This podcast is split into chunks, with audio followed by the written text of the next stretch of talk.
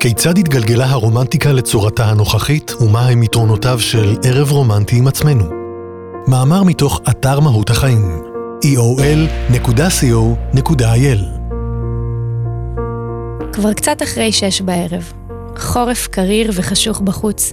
אתם מסיימים 40 דקות של נסיעה, ושמים פעמכם אל עבר הבית.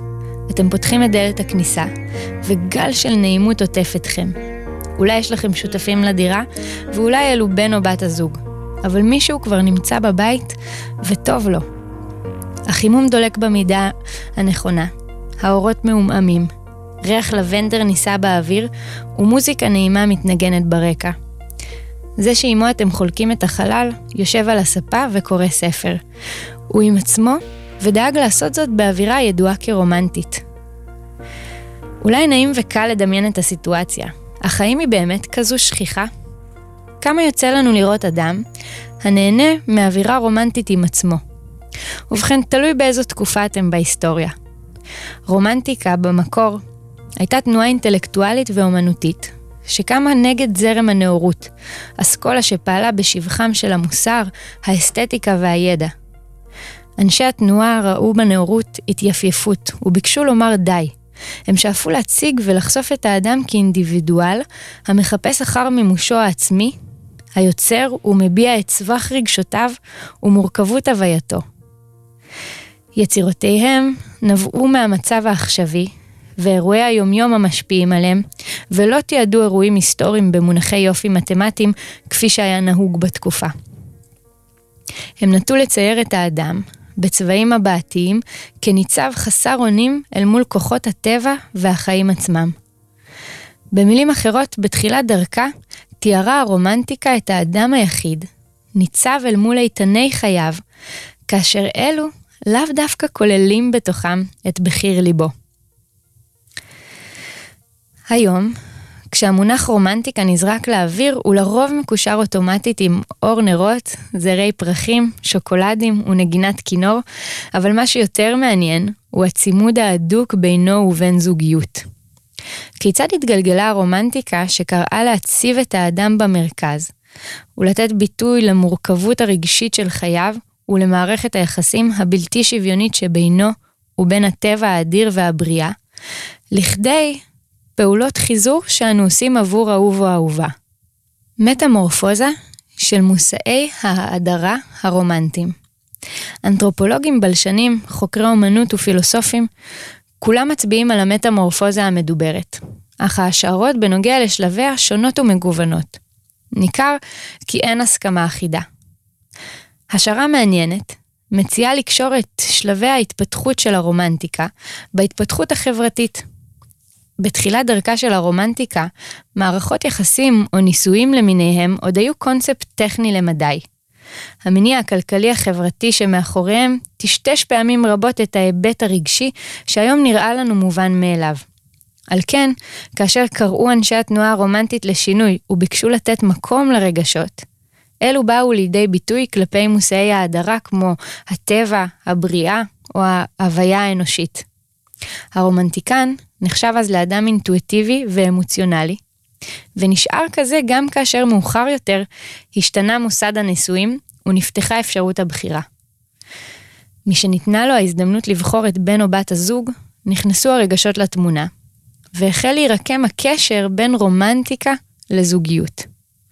האהוב או האהובה קיבלו מקום של כבוד כמושא האדרה חדש, והרומנטיקן הפך להיות זה שמבטא רגשות כלפי האהבה שבה חפץ ליבו. אם להישען על ההשערה הזו, נראה שבמשך תקופה לא קצרה, רומנטיקה הייתה עניין של בן אדם לעצמו, מקום שהיום נדמה שנשאר קצת מאחור. סצנה רומנטית יכלה להיות כזו שבה יושב אדם לבדו, בבקתת עץ עמומה מאור הששיות, הגשם מתדפק על החלונות, והוא כותב את ליבו על גבי הנייר. היום זו אינה האסוציאציה הראשונה שעולה בראשנו, כאשר מישהו מבקש שנתאר משהו רומנטי. אבל זוהי בהחלט רומנטיקה, התייחדות של אדם עם רגשותיו ומחשבותיו. מדוע זה בכלל משנה?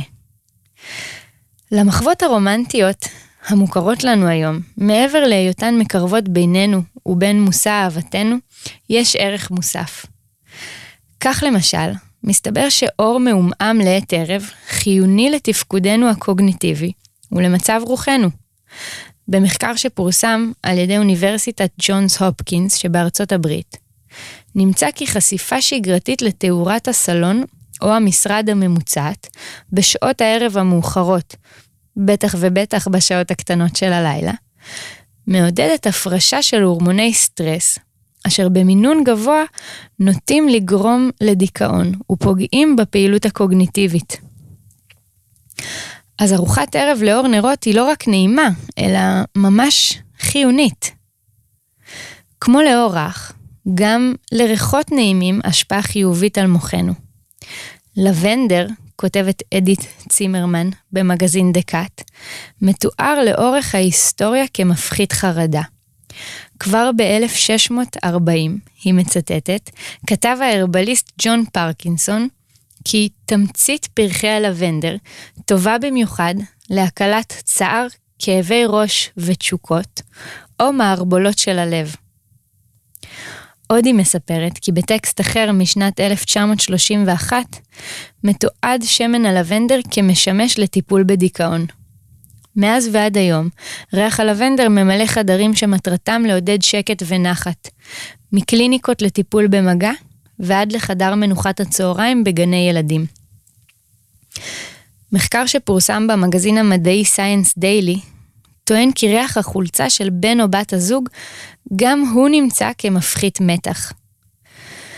כלומר, ריחות אהובים, בין אם הם העדפה קולקטיבית ובין אם הם סובייקטיביים לחלוטין, יכולים להפחית מתח וחרדה, ולהועיל למצב הרוח.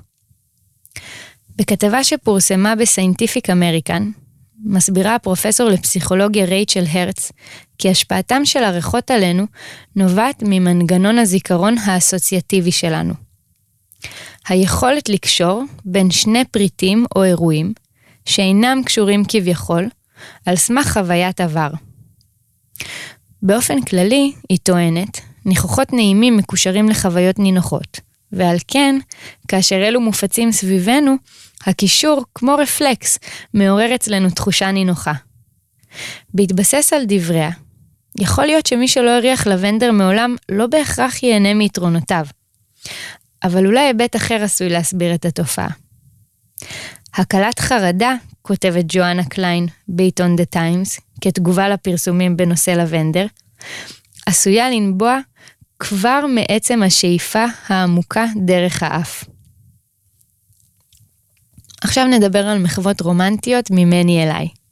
אז גם אם הנשימה הארוכה והמרגיעה היא זו שמפיגה את הלחץ, וגם אם אלו מאפייני הריחות עצמם. בסופו של דבר, הריחות הנעימים, ולא אחרים, הם שמעודדים אותנו לשאוף מלוא הריאות. גם מוזיקה, מסממניה הבולטים של הרומנטיקה, ידועה ככלי לוויסות מצבי רוח. ואם להיות קצת פחות מדעיים, מוזיקה אהובה ונעימה היא כמעט כמו חיבוק שמחמם את הלב. טיפול ושיקום בעזרת מוזיקה ידוע ככלי מפתח לעידוד תהליכי נוחות, הקלה והנאה, כך טוען הפרופסור לקוגניציה מוזיקלית תומאס ארולה בכתבה במגזין Healthline. ובנוסף לכל הטוב הזה, מוזיקה היא חוויה חברתית שאנו חווים גם כאשר אנחנו בגפנו. היא משמרת ומפתחת את יכולת החיבור של בני אדם גם כאשר הם מאזינים לה לבד, כפי שפרסמנו בכתבה בעבר. אם כן, רומנטיקה מפחיתה מתח וחרדה, מונעת דיכאון, משפרת יכולות קוגניטיביות ומעודדת קשרים חברתיים, ואלו רק חלק מהממצאים. לאור היתרונות, אולי שווה לשקול החייאה מחדש של המובן המקורי של המילה. מדוע שרומנטיקה תתבצר על מושא ההדרה זוגי בלבד, כאשר היא יכולה לשרת גם את הפרט הבודד או חבורה של אנשים? כאשר גם אנחנו, כייצוג של החיים עצמם, נחשבנו בעבר, ונחשבים גם היום, למושא ההדרה לגיטימי עבור עצמנו. בין אם נבחר לראות בקונספט יחידני, המשוחרר מהתניה הזוגית, ובין נבחר לראות בעצמנו פרטנרים ראויים, אנחנו יכולים מדי פעם להפוך את ארוחת הערב הסוליסטית שלנו לרומנטית ונעימה. במקום לשבת עם פיתה ביד ולעבור על פוסטים ברשת החברתית, אפשר גם לעצור רגע. לכוון את התאורה, להדליק קטורת לצד החלון ולהפעיל פלייליסט נעים. אפשר לערוך לכבודנו צלחת לפיתה ולמזוג כוס יין אדום, ובמינימום מאמץ, לפנק את עצמנו בערב רומנטי פרסה.